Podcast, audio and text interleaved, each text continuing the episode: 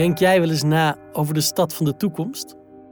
Stel je dan misschien ook wel eens voor wat er zou gebeuren als kwik blijft stijgen of de dijken breken? Hoe zal het klimaat invloed hebben op onze manier van samenleven? Hoe geven we de stad vorm om ons te wapenen tegen overnatuurkrachten? En hoe bezien die natuurkrachten ons eigenlijk? Welkom bij Anzicht. Een fictiepodcast van Raum en Hart Hoofd, waarin wij je meenemen naar de stad van de toekomst. In deze aflevering verkent schrijfster Selin Kuchu voor ons de stad van de toekomst. Selin studeerde beeld en taal aan de Gerrit Rietveld Academie en fiction writing aan het Pratt Institute. Met haar afstudeerwerk won ze de Nieuwe Typesprijs. Voor Anzicht kiest Selin het perspectief van een leger waterdruppels die als zeestorm naar de Nederlandse kust raast. Zijn de stad van de toekomst en haar bewoners toegerust op deze dreigende muur van water? We luisteren naar Om niet te verdrinken. Net nog lag ik in het diepe te dobberen. Nu word ik meters omhoog gezogen naar het wateroppervlak van de Noordzee. Door het licht dat boven dichterbij komt, kan ik de andere druppels van elkaar onderscheiden. Links, rechts, boven en onder me razen druppels voorbij, snel als haaien, en ze sleuren mij mee. Moet dit nou? vraag ik degene naast me, maar hij kijkt net zo verbaasd om zich heen. Waar zouden we naartoe gaan? Richting land of zee? We halen scholen vissen in, walvissen zelfs, en navigeren door plastic soep. Een druppel knalt tegen een plastic snipper op en spat uiteen. Zweetdruppels glijden over mijn rug. Na een tijdje komt een grote spetter, adellijk blauw van kleur, naast me zwemmen. Hij ziet er bek af, maar vastberaden uit. Ik vraag hem: Hé, hey, waar zijn we naar op weg? Nederland, roept hij. Dus toch het land, denk ik. Hij vervolgt: Ik was een van de eerste die het hoorde. Toen het bericht me bereikte, heb ik onmiddellijk de koers ingezet richting het zuidoosten. Ik vraag me af welke informatie hij heeft. Mijn blik daalt af naar het postuur van de spetter. Sinds er overal water ligt opgeslagen, de straten blank staan en de lucht haast permanent mistig is van de natheid, staan alle druppels op de wereld met elkaar in verbinding. Als een piratenradio kunnen we informatie doorsturen, mits we goed op elkaar afgestemd zijn en de juiste connecties hebben. En in plaats van radiogolven zenden we beeldfragmenten. De spetter heeft een bolle, glazige buik. Hij ziet er absoluut geschikt uit. Ik vraag het hem op de man af. Wat heb je binnengekregen? Hij volgt mijn blik naar zijn buik en toont me een beeld dat hij via iemand anders heeft ontvangen.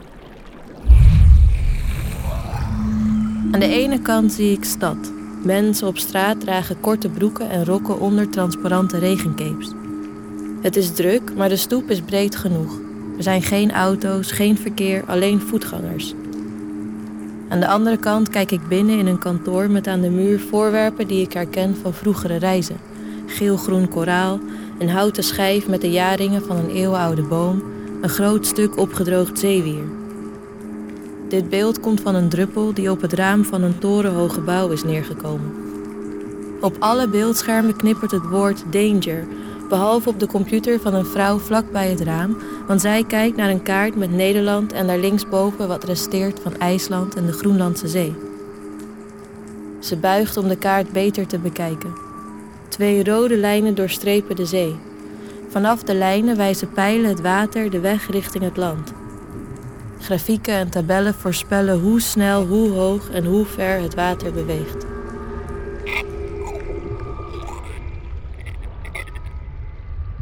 De spetter zegt: Dit ving ik nog geen uur geleden op.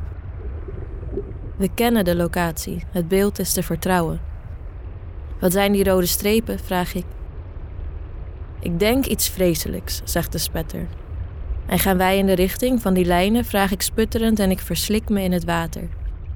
Ja, want die zitten op het blauw, zegt hij en hij slaat me op mijn rug. Een luchtbel schiet uit mij en richting het wateroppervlak. Hij praat verder, maar ondertussen zijn we al ver gezwommen, dus ik weet niet waar we nu precies zijn. Ik vraag me af of ik uit mijn slaap gehaald werd door die pijlen.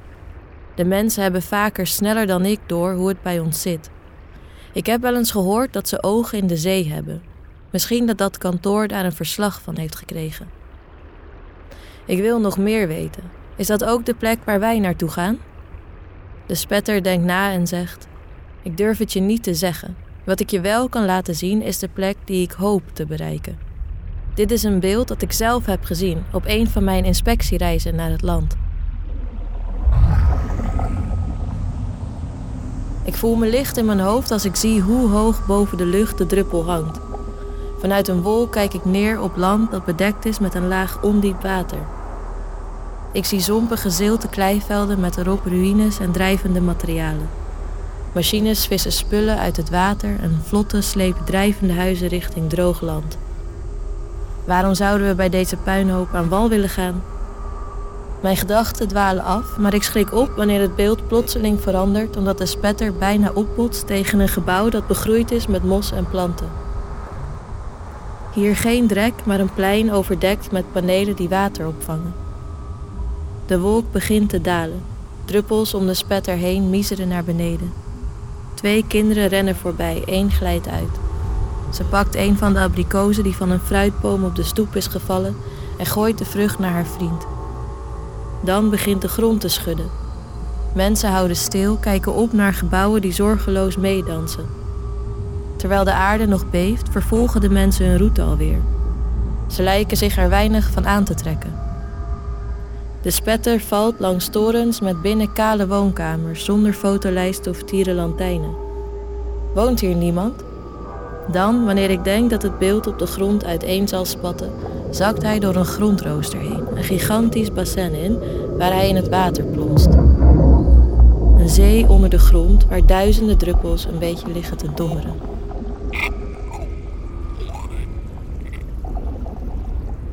De spetter is even stil en vertelt dan over de plek waar ooit de kuststreek was, maar waar wij nu onze opmars maken. In de afgelopen decennia zijn hele dorpen verdronken. Mensen zijn verkast. Voel je je niet schuldig? vraag ik. Op besliste toon zegt hij: Als wij ons niet verspreiden, dan verdrinken we. We hebben ze gewaarschuwd met dijkdoorbraken, aardbevingen en overstromingen. Maar ik wil geen mensen verdrinken en ik hoef geen land in te pikken. Ondertussen zijn we met zoveel dat we zelfs omhoog zwemmen. We steken boven het land uit. Voor ons zie ik de zeemuren, de kust is dichtbij. Ik krijg bijna geen zuurstof en de verdrukking van de grote hoeveelheid water vergroot mijn paniek. De spetter zegt: Maak je geen zorgen. Mensen zoeken naar redenen om zich te verplaatsen. Thuis, wat is dat? Een huis? Niemand wil een eigen plek. Ze willen in elke stad een keer gewoond hebben en als de steden op zijn, dan kopen ze een huis in een verlaten dorp in het binnenland en gaan ze met pensioen. Hij blijft op me inpraten om me te kalmeren. En zag je die bassins wel? Die stad is Leidse Rijn. Daar houden ze rekening met onze komst door ruimte vrij te maken. Begrijp je me? Ze verwelkomen ons. Dat kantoor dat je net zag, dat monitoren we al een tijdje, omdat ze er alles weten, zelfs de toekomst. Kijk maar. Ik herken de straat, de kantoorruimte. Helemaal aan de linkerkant loopt iemand om een projectie heen die reikt van vloer tot plafond. Eerst zie ik Nederland zoals ik het me herinner van toen ik zelf nog met wolkengroepen meereisde. Dan lijkt het alsof er water in de projector valt, want een blauwe gloed trekt over een strook land aan de kust. Steeds iets verder lekt de zee uit. Pas als het beeld niet meer verandert, zoomt de man in op het midden, waar zee grenst aan land. Hoe verder hij inzoomt, hoe meer en groter plaatsnamen en cijfers boven het land verschijnen. De linkerhelft van het geprojecteerde beeld is nu water, met daarop rode getallen met een streepje ervoor. Min 4,7, min 0,3. Bovenop al het blauw staan mingetallen. Het eerste wat niet rood is, is Leidse Rijn, met een 0. Dan Utrecht, 0,32. Daarnaast een stukje van Zeist, 0,7. De man typt iets op zijn toetsenbord. Ik zie nog net op het scherm dat Leidse Rijn de toevoeging aan zee krijgt, voordat de druppel onder de raamrand glijdt en het beeld verdwijnt. De spetter kijkt me aan of ik het nu wel begrijp. Maar wat heb ik dan gezien? Dit is allemaal nieuw voor me. Hij zegt: De mensen geven ons land terug. Ze weten dat de huidige grenzen onhoudbaar zijn en het platteland is toch al lang leeggelopen. Ze geven alleen om de steden. In Leidse Rijn hebben ze zelfs al strandtenten gebouwd en zand gestrooid daar waar de nieuwe kust moet komen.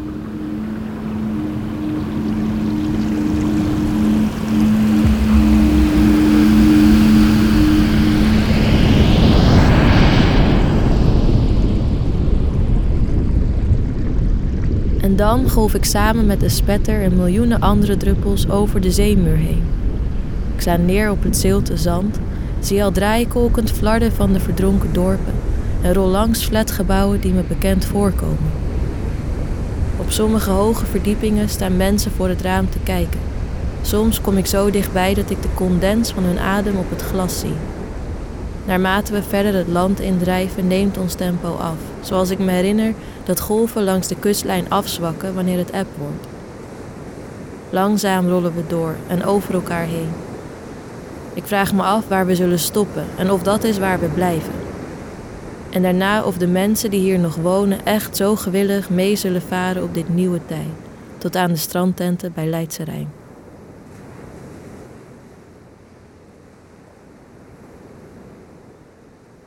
Dit was de tweede aflevering van Anzicht. De tekst van Selin Kuchu kwam tot stand tijdens een schrijversresidentie bij Raum in Leidse Rijn. Een plek waar de stad van de toekomst letterlijk in aanbouw is en waar Raum die toekomst bevraagt. De volgende aflevering is een verhaal van Lisanne van Aert. We zijn benieuwd wat jullie van deze aflevering vonden, dus laat vooral een review achter. En wil je geen afleveringen missen, abonneer je dan op deze podcast via je favoriete podcast-app. Anzicht wordt gemaakt door Raum en Harthoofd naar een concept van Tom Lois. Tekst en stem waren deze keer van Céline Coutu. Het geluidsontwerp is van Arno Peters.